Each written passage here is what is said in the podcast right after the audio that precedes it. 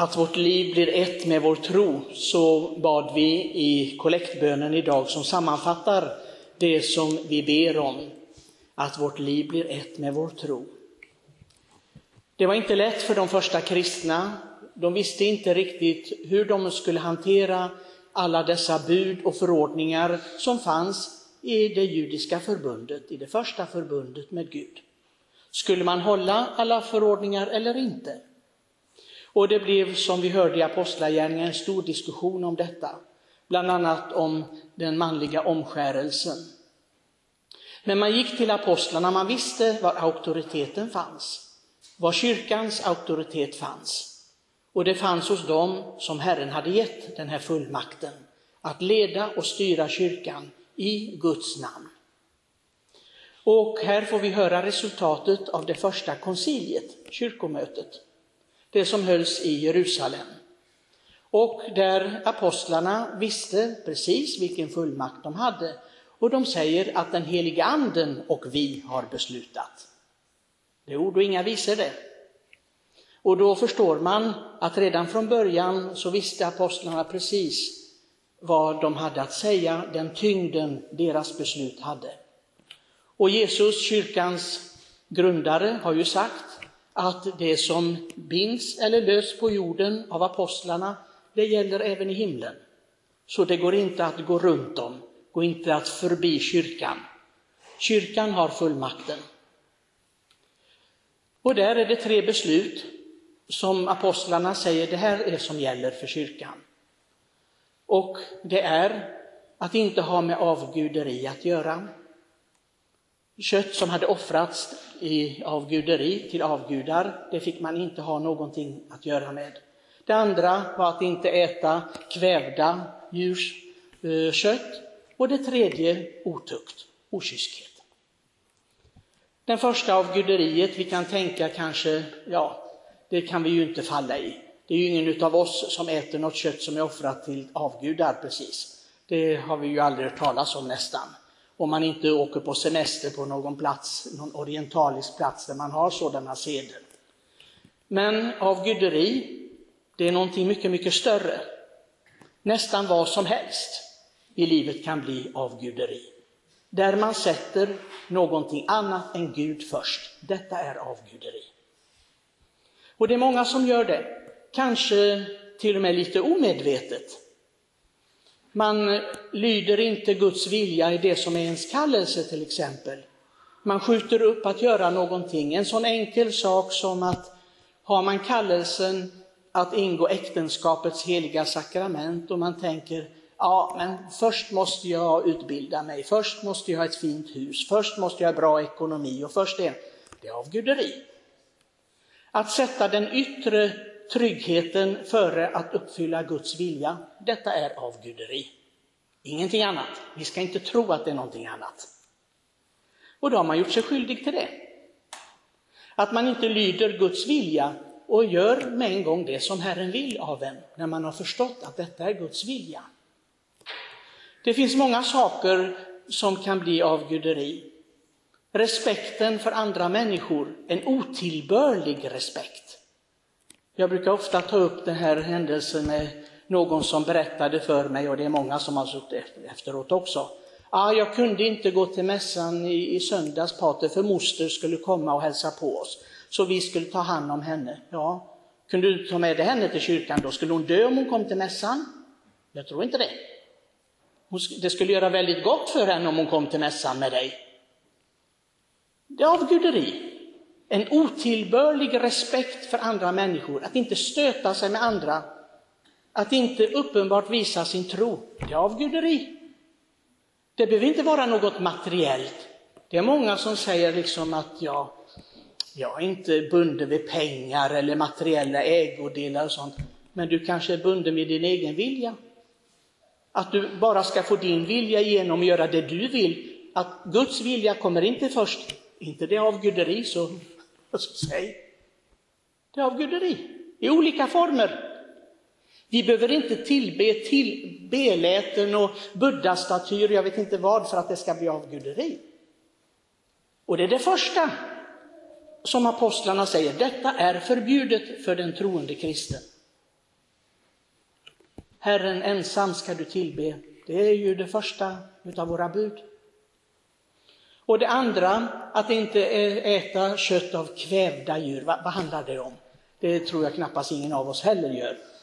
Utan det handlar om sunt förnuft. Apostlarna säger att vi ska använda vårt sunda förnuft. Det är det som är den andra punkten. Använda sunt förnuft, det betyder att jag inte skadar min egen själ. Att jag bara lever på ett sådant sätt att det gagnar mitt eviga liv. Det är sunt förnuft för en troende människa. Att jag hela tiden inriktar på detta att jag, jag ska leva evigheten med Gud och allting som hindrar mig från detta, det måste bort ur mitt liv. Det är, det är den troendes sunda förnuft att använda det. Och tyvärr, det vet vi ju, att det är väldigt många troende som inte använder ett sunt förnuft, utan skadar sig själva genom val i livet som inte leder till Gud, inte leder närmare Gud och riskerar den eviga frälsningen. Den tredje punkten som biskop Anders ibland brukar ta upp, det handlar om otukt. Han säger ofta, och har sagt ofta som jag har hört det i alla fall, att människor är så fixerad vid sin sexualitet på ett felaktigt sätt. Och detta skadar människan därför att Gud har gett sexualiteten en viss uppgift. Och det är inför, inom äktenskapets ram. För att äktenskapet ska förädlas, det ska förinnerligas och det ska stärkas. Och naturligtvis öppenhet för barn. Men det är där det hör hemma, ingen annanstans. Och det är väldigt många som har svårt med detta. Och tycker jag, men min kropp, jag gör vad, jag vill, jag använder den hur jag vill. Ja, det är dock den tredje punkten i vad apostlarna säger, att de här tre punkterna är någonting som är oåterkalleligt. Det här rubbar vi inte på, för den som vill vara en troende kristen är det det här som gäller. Och vi är alla fria att säga, nej men det passar inte mig, och då är det bara att gå. Det är bara liksom, då, då är man inte kristen längre. Man gör sitt val. Och det är det som är det stora i livet, dessa valmöjligheter som är liksom, det är dramatiskt ibland. Det är svårt ibland, det är en utmaning ibland, men det är det för oss alla. Och ingen ska sitta och tänka, ja men jag har det svårare än alla andra. Vad vet du om det? Vad vet du hur andra kämpar? Och vi ser också det apostlarna säger, att det är genom många lidanden vi måste gå till det eviga livet. Det är lidandet att stå över sig själv, att vara större än sig själv, um, som man tycker åtminstone. För med Guds nåd kan vi allt. Det är ingen som kan säga, men det här klarar jag inte av, att leva så här, det klarar jag inte av. Att leva så målinriktat på Gud och det eviga livet, hur, hur ska det gå till? Vi är en vanlig människa, ja det är vi allihopa, till och med påven är en vanlig människa. Det finns ingen som inte är en vanlig människa. Helgonen som vi kallar dem var inga superhjältar på något sätt. Det var människor, om vi läser deras liv, då förstår vi hur de kämpade. De menade, ja men det här är det viktigaste för mig.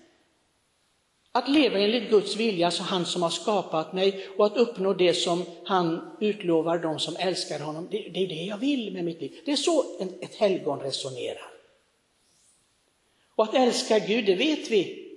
Det har ingenting med ljuva tankar eller känslor att göra. Absolut inte. Jesus säger själv, den som älskar mig, han lyssnar på mig. Han gör som jag vill. Jesus säger inte, den som älskar mig, den ska få underbara upplevelser och känslor. Det säger han inte. Det talas aldrig om det. Det talas om att göra vad Gud vill. Detta är vad det är att vara troende. Att inrikta sitt liv, att forma sitt liv efter detta med Guds hjälp. Och det är någonting underbart. Jag tror inte att det fanns någon som kyrkan har helgonförklarat. Det finns ju många, många mer helgon än de som kyrkan har helgonförklarat. Naturligtvis. Och de tyckte inte att de förlorade sitt liv. Även om Jesus säger det, den som vill vinna sitt liv måste förlora det här i, här i tiden. Och det är det ju, att övervinna sig själv. Att bli någonting större än det lilla vanliga, det som människor tycker är vanligt. Så här kan man leva, för det är naturligt. Men vi lever ett övernaturligt liv. Det är det vi har valt som kristna. Må Herren med sina heliga hjälpa oss. Må helgonen verkligen be för oss, främst Guds moder Maria. Är det någon som har levt heroiskt tron och dygderna så är det ju hon. Men må de alla hjälpa oss så att vi inte släpar efter, att vi inte blir stående utanför, att vi inte blir förlorarna. De som fick så stora gåvor men inte använde dem. I Faderns och Sonens och den helige Andes namn.